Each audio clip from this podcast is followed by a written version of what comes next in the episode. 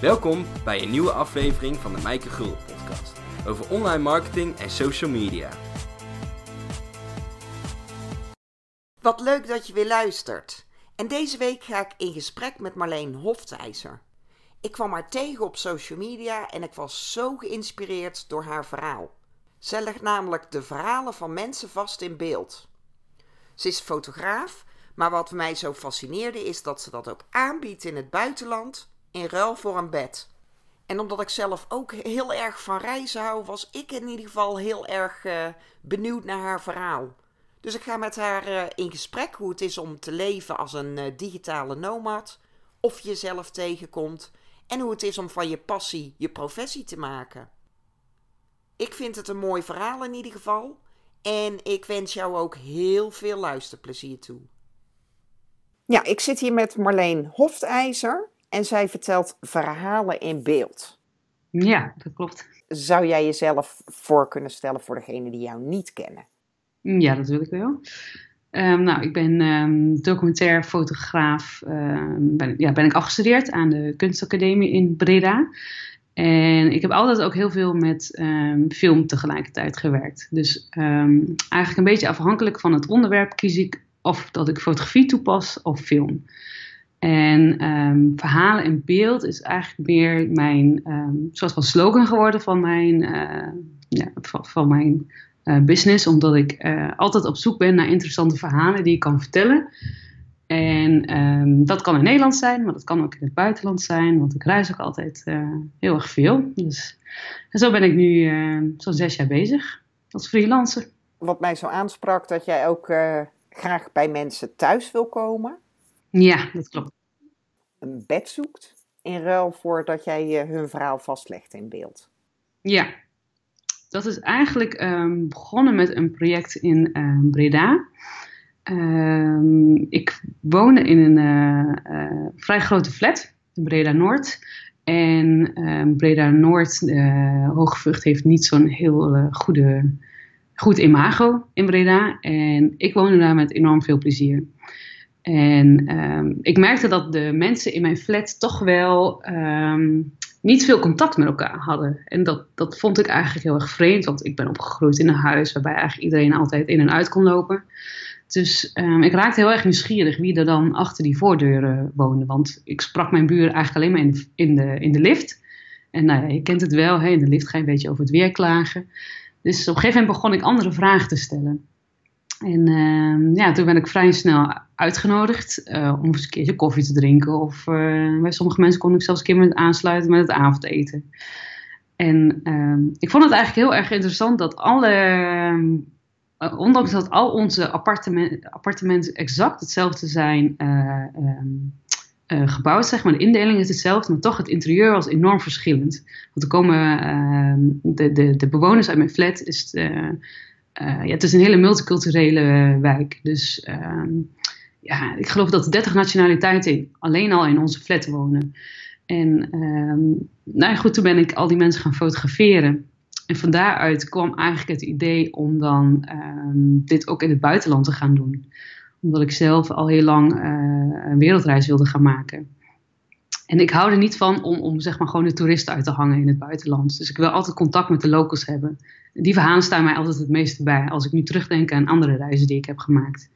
En zo heb ik eigenlijk uh, ja, mijn concept vanuit Breda toegepast op mijn wereldreis. Ja, ik vind het zo'n leuk concept, want zelf heb ik ook uh, in Amsterdam op een flat gewoond. Ja. En uh, sommige mensen heb je gewoon contact mee, dan ga je inderdaad een kopje koffie drinken. Maar ik had één buurman aan de rechterkant die ik al die tijd dat ik daar gewoond heb, nooit gezien heb. Ik hoorde altijd de voetstappen uh, voordat ik uit bed ging. Dan yeah. vertrok hij. En als ik al lang weer in bed lag, hoorde ik de voetstappen dat hij weer thuis kwam en de deur. Maar ik, ik, als ik die meneer tegen zou komen, ik weet toevallig dat het een meneer was, yeah. zou ik dus echt niet weten wie het was. En dat vind ik nog steeds zo raar. Ja, ik heb dus precies hetzelfde gehad met mijn directe buurman. Ik, het enige wat ik van hem weet, ik heb hem één of twee keer gezien, gewoon ook in de verte zeg maar, toen die lift instapte en ik kan het zien vanuit mijn raam. En het enige wat ik altijd van hem meekrijg is dat hij vrijdag, uh, om het weekend te starten, luistert hij naar een of andere hardstyle, hardcore muziek. Uh, ja, en dat is het enige. ja, ik vind het ook nog, uh, nog heel heel raar. Je kunt natuurlijk niet iedereen in zo'n flat kennen. Ik kan wel als je zo'n project start natuurlijk. Maar ik heb zoiets, ja, je directe buren is toch handig als je daar aan kan kloppen voor uh, het bekende kopje suiker. En dan niet als excuus, maar om even een ladder te lenen of gewoon Ja, wat dingetjes, precies. dat je het gewoon weet. Ja, ja, ja. Maar het andere waardoor ik dus heel erg gefascineerd ben, is dat je dat inderdaad combineert met jouw passie voor reizen. Omdat ik zelf ook gewoon het liefst zo vaak en zoveel mogelijk op reis ga. Ja, Maar dat niet combineer met, me, met mijn werk eigenlijk. Dus dat Ja. vond ik wel zo'n ontzettend leuk concept. Ja, dat is ehm, dat idee dat het is ook eigenlijk langzaam gaan groeien hoor. Het is niet dat ik in één keer om een zwaai heb gemaakt van nou, eh, eh, ik geef mijn huis op en ik ga. Ik heb, ik heb altijd wel veel in het buitenland ook wel gewerkt en het voelde altijd al een beetje eh, zonder dat ik dan mijn huur door moest betalen. Soms was ik echt drie, vier maanden bijna non-stop weg van huis. En ehm, eh, nou, toen heb ik eens een- met, eh, met ehm, hoe heet het? Met, eh, ja, met het verhuurbedrijf gevraagd van kan ik eh, mijn appartement gewoon een tijdje aan iemand anders verhuren. Nou goed, daar wel toestemming voor gekregen. En nu ehm, ja, kan ik dus twee jaar op reis. En als ik in Nederland ben, dan overnacht ik bij vrienden en familie. Dus nu gewoon op pad. Ja, maar dan, ja, wat me dan fascineert, want dat is natuurlijk eh, hartstikke leuk. En heel veel mensen dromen van die vrijheid en eh, jij eh, doet het gewoon. Ja, Maar je moet ook wel dan ehm, naamsbekendheid opbouwen. Of op een of andere manier moeten mensen in het buitenland jou ook weten te vinden. ja. Heb jij daar nog ehm, tips, tricks voor? Of kan jij vertellen hoe jij dat aanpakt? Nou, ik merk wel heel erg dat het ehm, eigenlijk net zoals in Nederland met, met gewoon het ondernemerschap gaat, dat het toch altijd via via is. En dat je zo je netwerk vergroot. Ehm, zo zat ik bijvoorbeeld ehm, in Panama, overnachtte ik in een kasteel, wat tegelijkertijd een hostel was. En zo, zo heb ik, kom ik dus soms ook aan werk. Dan mag ik een video voor het hostel maken. En ehm, ik heb aan de eigenaar weer gevraagd: ken jij heb jij nog andere vrienden of mensen in je netwerk die ook in het toerisme zitten en die eh, een promotiefilm kunnen gebruiken? Nou, en zo belde hij een van zijn vrienden op en die zaten weer op een. eh, die gaven tours in een eilandengroep. En zo zat ik, zat ik vijf dagen op de San Blas-eilanden in Panama. Prachtige eilanden, van die bounty-eilanden. En, ehm, en tegelijkertijd kon ik ook aan de slag voor mijn eigen project, omdat ik ook een, gewoon een vlog heb opgenomen van iemand die daar woont. Dus eh, soms sla ik dan zelfs eh, eh, ja, twee slagen in één keer. Ja, want aan de ene kant eh, ehm, bied jij jouw diensten aan in ruil voor dan een overnachting. Mhm. En aan de andere kant verdien je gewoon je geld met het maken van foto's en video's. Ja, ja, ja, ik probeer wel constant op zoek te gaan naar, eh, ehm, naar opdrachtgevers in het buitenland. En soms komt het ook wel eens heel toevallig bij elkaar hoor. Ehm, ik ben afgelopen oktober met een Nomad Cruise mee geweest. Ik weet niet of, je, of dat je iets zegt. Nee. In ieder geval, dat is een cruise waarbij ehm, nou in dit geval 200 ehm, ondernemers aan boord gaan om, eh, elkaar, om, om aan elkaar workshops te geven. En nou ja, goed, en je, je breidt je netwerk heel erg uit. En toen ik eenmaal terug was van die cruise, toen eh, postte ik een berichtje dat ik in eh Cameroen op reis ging om daar een bruiloft te filmen. En ehm, ik ging naar een, een heel klein plaatsje toe, omdat eh, ehm, de bruidegom daar oorspronkelijk vandaan kwam. En Google Maps kende dat plaatje niet eens. Dus dat vond ik grappig, dus dat postte ik op LinkedIn. En toen zag dus een van die andere ondernemers die ook op de cruise mee was, die zag dat berichtje. En hij belde mij meteen op. Hij zegt, nou dat geloof je toch niet? Wij, ehm, ik ben een stichting gestart eh, voor boeren in Cameroen. En ik zie dat jij gewoon bijna in hetzelfde dorpje zit.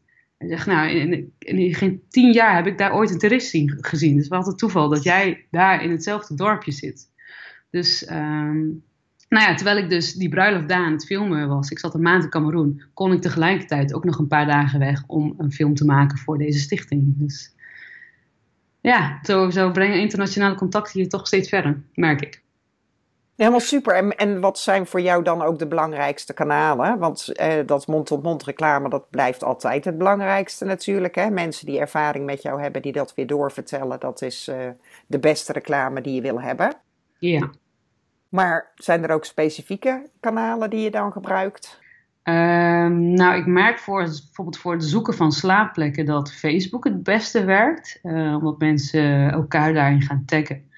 En um, ik heel makkelijk daar een oproepje kan plaatsen. Ik doe het ook wel eens op LinkedIn. Uh, maar op LinkedIn deel ik gewoon wel echt constant mijn uh, video's en, en, vooral wat ik heb gedaan in het buitenland en hoe ik werk vind in het buitenland. Ik merk dat dat het beste aanslaat natuurlijk op het platform voor, voor zakelijke relaties. Dus ja, dat is dat, dat eigenlijk. En die video's deel jij dan op LinkedIn en eventueel op Facebook, maar heb je ook een eigen YouTube kanaal? Ja, daar, daar post ik alle vlogs op van uh, de mensen waar ik uh, ben bij, uh, waar ik heb overnacht. Maar ik merk wel dat ik het, ik deel het vanuit mijn eigen website eigenlijk. Niet specifiek alleen mijn YouTube kanaal. Want ik ben nu nog geen vlogger met weet ik hoeveel duizenden hoe heet het, uh, duizenden likes of uh, volgers. Abonnees, ja. Abonnees, inderdaad. Dus, um, uh, maar op mijn eigen blog gaat het wel vaak heel goed. Ik merk dat dat, ook al deel ik nog niks op social media, dat, je toch al, dat dat nu steeds beter gelezen gaat worden. In, ja, hoe lang ben ik nu bezig? Sinds september, dus in een paar maanden tijd. Oh, dat is hartstikke leuk. Ja, ook als je een YouTube-kanaal, dan moet je nog altijd zorgen dat er ergens een linkje is met je website, hè? omdat dat jouw eigen. Ja, ja ik heb inderdaad gewoon wel mijn. Uh, uh, alle kanalen en social media staan altijd standaard in. Ik kopieer eigenlijk gewoon elke keer uh, de, de, tekst die ik bij elke vlog deel, maar ik pas wel de eerste regels aan wat er te zien is in die vlog. Dan zet jij het in eerste instantie op YouTube. Begrijp ik dat nou hieruit? En, en vervolgens kopieer je het naar je eigen website en dan embed je dat YouTube-videootje met dezelfde tekst. Ja, precies. En daar pas je de eerste paar regels aan. Ja. En zet je het dan ook uh, vanuit je website weer door op Facebook en LinkedIn, afhankelijk van of het uh, passend is voor dat kanaal? Uh, ja, ja, ik zet het vanuit mijn website door. Omdat ik uh, liever heb dat de mensen allemaal naar mijn website gaan, eigenlijk dan mijn YouTube-kanaal. Want op de YouTube-kanaal kun je verder niet zoveel vinden. Behalve dan wat er natuurlijk onder hè, onder je video staan, die paar regels. Maar als ik alle mensen doorlink naar mijn website, ja, dan gaan ze misschien wel verder klikken. Dan kijken ze op waar, waar ik mijn route, welke landen ik nog af ga leggen. dus ik denk dat ik daar meer uithaal. Ja, en nou is dit uh, hele idee een beetje ontstaan uit uh, passie voor jou. Hè? Van, nou ja, uh, je hebt dan sowieso die kennis en die kunde dat je heel sterk bent in het maken van beelden.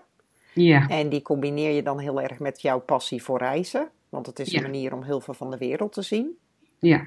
Maar um, wat is dan het exacte businessmodel daarachter? Want ik neem aan dat, ja, dit hou je eventjes vol. En op een gegeven moment zou je dat niet meer volhouden als je niet voldoende klussen hebt. Ja, precies. Nou, voor mij is het zo geweest dat ik. Uh, in augustus word ik 30. En het afgelopen jaar heb ik een soort. Ja, dit jaar neem ik eigenlijk een sabbatical jaar om te kijken uh, hoe ik mijn carrière verder wil uh, voortzetten. En ik merk gewoon door het. Ehm, door het stappen uit je comfortzone, dus, dus waar ik altijd heb gewerkt, je, je klanten die je al kent, om daar even helemaal afstand van te nemen, dat ik beter na kan denken over uh, wat ik zou willen met mijn carrière. En uh, ja, het businessmodel wat ik nu toepas is dat ik wel de klussen in het buitenland vind. Maar ik ben ook elke keer af en toe een paar weken in Nederland om weer grote klussen aan te passen. Wat ik wel aan te pakken. Wat ik af en toe doe is dat ik um, soms moet ik echt wel voor één klus meer dan vijf, vijf dagen filmen non-stop. Dus uh, dan pak ik drie weken in Nederland, ben ik continu aan het filmen. En editen kan ik onderweg alweer doen. Uh, hè, dus dat gebeurt gewoon ook wel eens in, in, de trein of op een boot of in een vliegtuig. Dus, ja, uh, nee, echt leuk. Ja.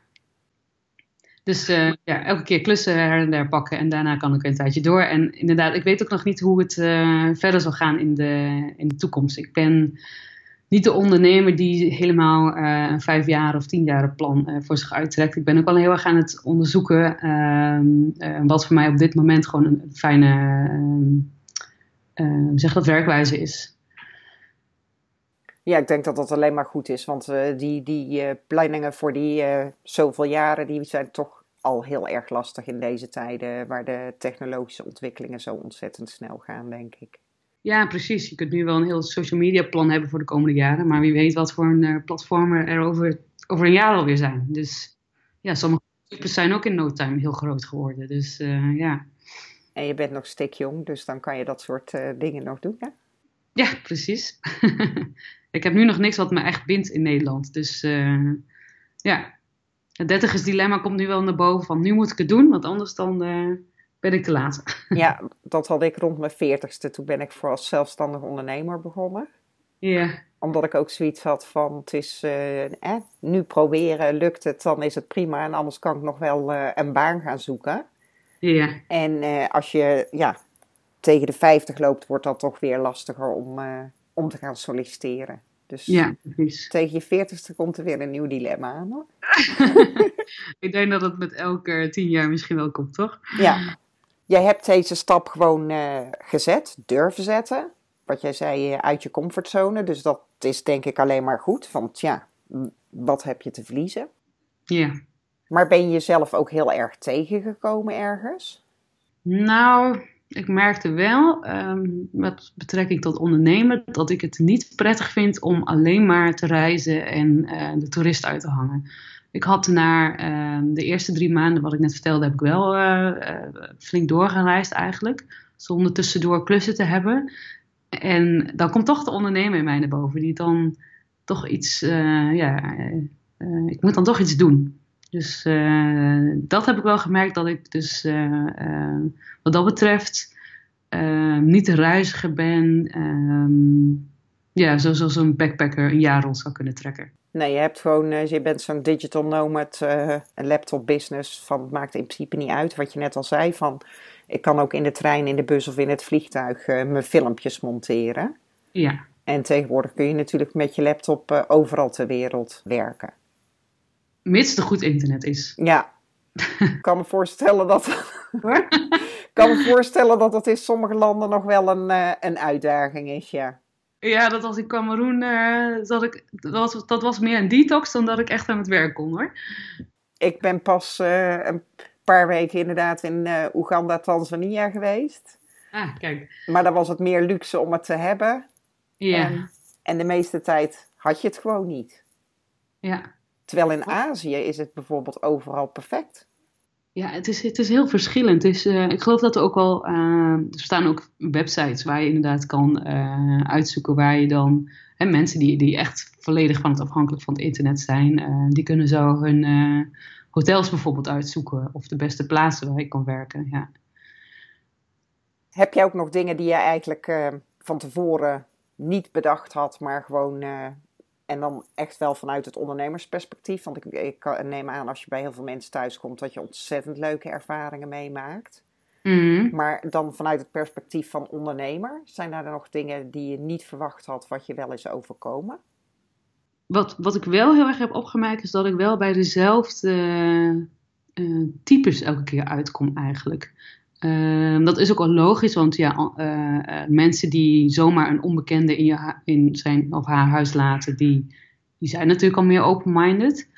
Um, en op zich ben ik wel bij redelijk verschillende huizen en families geweest, maar toch had ik het uh, contrast nog wel net iets groter verwacht. Of ik had wel meer uh, mensen willen ontmoeten die een interessante baan hebben. Of waar ik wat meer van zou kunnen leren. En dat, dat is tot nu toe nog niet heel erg gebeurd. Zijn het vooral ondernemers ook? Want ik kan me voorstellen, die zijn over het algemeen, die moeten meer de eigen boontjes doppen. Dus die zijn meer open-minded. Ik was altijd wel ook heel veel van het reizen of gewoon spontane ontmoetingen. Ja. Maar als ondernemer moet je nog meer uit je comfortzone.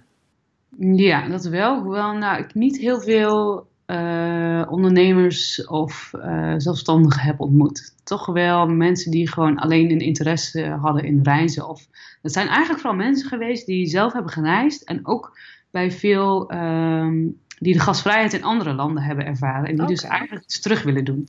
Dat merk ik ook bijvoorbeeld met, met, uh, met het liften. Ik heb in Schotland heel veel gelift. En, dat, en elke keer toen werd ik opgepikt door iemand die het vroeger zelf had gedaan.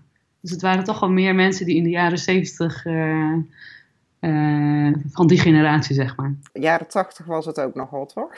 Uh, ja, 70, 80, ik weet het niet precies. ik heb zelf ook heel veel gelift en inderdaad, ik ben wel een beetje selectief met voor wie ik stop. Maar als ik lifters zie, ben ik heel erg geneigd om inderdaad ook te stoppen. En als ik dat dan meld, hebben heel veel mensen uit mijn omgeving zoiets van, dat doe je toch niet? Ja. En dan zeg ik, ja, ja. dat doe je toch wel. Ja, gek is dat wel eigenlijk, hè? Ja. Dat, uh, nou ja. Nee, maar jij, zou precies in de categorie passen, dan wat dat betreft, uh, van mensen die open-minded zijn. Ik heb je ook uitgenodigd. Ik zei alleen, is Sunder niet zo boeiend, uh, behalve tijdens het bloemencorso, dan is het hier, dan weet je niet wat je meemaakt in deze gemeenschap. dat is echt een ervaring, maar voor de rest is het niet zo boeiend hier in het dorp. Sta je dan zelf ook bloemetjes te prikken? Ik doe de social media voor het corso. Dus meestal ben ik die dag heel druk met ah. de webcare en content plaatsen. Ja, maar ik ga zoveel mogelijk wel helpen inderdaad het weekend van tevoren. Want dat is echt super gaaf. Dan is mm. er zo'n sterke community gevoel hier. Dus je bent welkom. Nou ja, wie weet. ja. Heb jij nog hele wijze lessen die jij andere ondernemers mee kan geven? Dingen die bij jou heel goed gewerkt hebben in je marketing? Dingen die je anders gedaan hebt in je bedrijf, dat je denkt, nou, dit is echt, uh, ja, hier hebben andere ondernemers ook iets aan? Um, nou, wat ik van het reizen heel erg heb geleerd, is dat ik um, uh, dat je heel erg mee moet gaan, gewoon go with the flow eigenlijk. Dus um, het was voor mij echt een, uh, een les om niet elke keer alles te willen plannen en op in te gaan met het uh, aanbod die je soms maar een paar dagen van tevoren krijgt. En daar dan, dan wel op te handelen. Ja, ik inspringen op de kansen en de mogelijkheden die je krijgt en dan zo snel mogelijk actie ondernemen. Ja, precies. Ja. En dat heeft jou gewoon heel veel gebracht. Ja, en niet bang zijn om, uh, um, om, om bepaalde keuzes te maken en niet gebaseerd op angst. Dus toch je dromen achterna jagen. En ik merk gewoon in, in, in ook de omgeving waar ik ben opgegroeid, dat het toch heel erg um, het meegaan met uh, maatschappelijke verwachtingen is. En um, dat mensen eigenlijk heel erg tegen je opkijken als je daar tegen ingaat, maar ze het zelf niet durven te doen. En als je daarop doorgaat vragen uh, waarom dat dan eigenlijk is, dan komt het altijd op uit dat ze bang zijn om de vastigheid of de structuur los te laten. En um, dat heeft mij wel heel erg geleerd als ik als uh, digital nomad wil uh, gaan werken. Nou, dat vind ik uh, heel mooi ver verwoord, want ik denk dat dat heel erg treffend is. Hè, inderdaad, we worden toch een beetje opgeleid van je doet een opleiding en dan ga je een goede baan zoeken. Dan heb je vastigheid. Toch nog wel, in Nederland zoeken we dat heel veel. En ja. dat andere is toch een stukje onzekerder. Maar ik denk als je die stap durft te zetten en echt uh, doet wat je leuk vindt, werk kan maken van je passie, dat je er wel een stuk gelukkiger van wordt. Ja, ik denk dat je heel erg daar de balans in moet zoeken. Dus uh, wat ik ook zeg, heel veel mensen willen het wel, maar ja, gewoon de angst om die stap te durven zetten, die, die blijft uh, overtreffend. Ja. Dat is eigenlijk heel erg zonde. Nou, misschien als ze jou mooie verhalen horen en de mooie beelden zien, dat mensen nog op andere gedachten komen. Ik hoop het. Ik vond het heel erg leuk, want ik zeg ja, ik kwam jou zomaar spontaan tegen op, uh, op internet en was toen heel erg gefascineerd door jouw verhaal. Ja, wat leuk om te horen. Ja. Dat, dat, dat probeer ik natuurlijk gewoon met mijn werk te doen, om mensen echt te inspireren. Nou, je doet dat dus toch goed, want je doet het wel op zo'n manier dat het inderdaad een uh, gesprek opent en dat mensen uh, het gesprek met je aangaan om gewoon te vragen van, goh, wat leuk hoe je dat doet en hoe is dat zo gekomen. Dus het is wel, ja, het triggert denk ik toch wel een beetje de nieuwsgierigheid. Ja, dat denk ik ook, ja. Nou ja, en ze mogen me altijd vragen stellen. Dus uh, ja, leuk. Stel dat mensen nog wat meer van jou willen weten. Stel dat ze zelf ook nog een huisje in het buitenland hebben. Um, familie, vrienden of iemand anders in het buitenland kennen. Of een leuke klus voor je ze hebben in uh, Nederland. Mm -hmm. Waar kunnen ze dan meer over jou vinden? Nou, mijn gewone website is marleenhofthuizen.com. En uh, wat betreft tot de vlogs bij de mensen thuis heb ik een Engelse website gestart om het toch internationaal te houden. En die heet Can I Come Over? Dus ik ga die link sowieso ook delen in de aantekeningen bij de podcast. Zodat degenen die dus uh, wat meer willen weten over Marleen even op haar website kunnen snuffelen en de video's kunnen bekijken. En uh, wie weet met een leuk voorstel voor je komen. Ja, dat zou heel gaaf zijn. Ik dank jou in ieder geval voor het delen van jouw tips en voor jouw tijd en voor het interview. En ik wens jou heel veel mooie reizen toe. Ja, dankjewel. En uh, graag gedaan. Bedankt voor het luisteren. En uh, volgende week ga ik in gesprek met Nanneke van Drunen over schrijven voor je bedrijf. Want wat zijn de voordelen van storytelling en van bloggen? En ze geeft ook een aantal uh, praktische tips. Dus ik hoop dat je volgende week weer luistert. Bedankt voor het luisteren naar de Mijke Gulden podcast.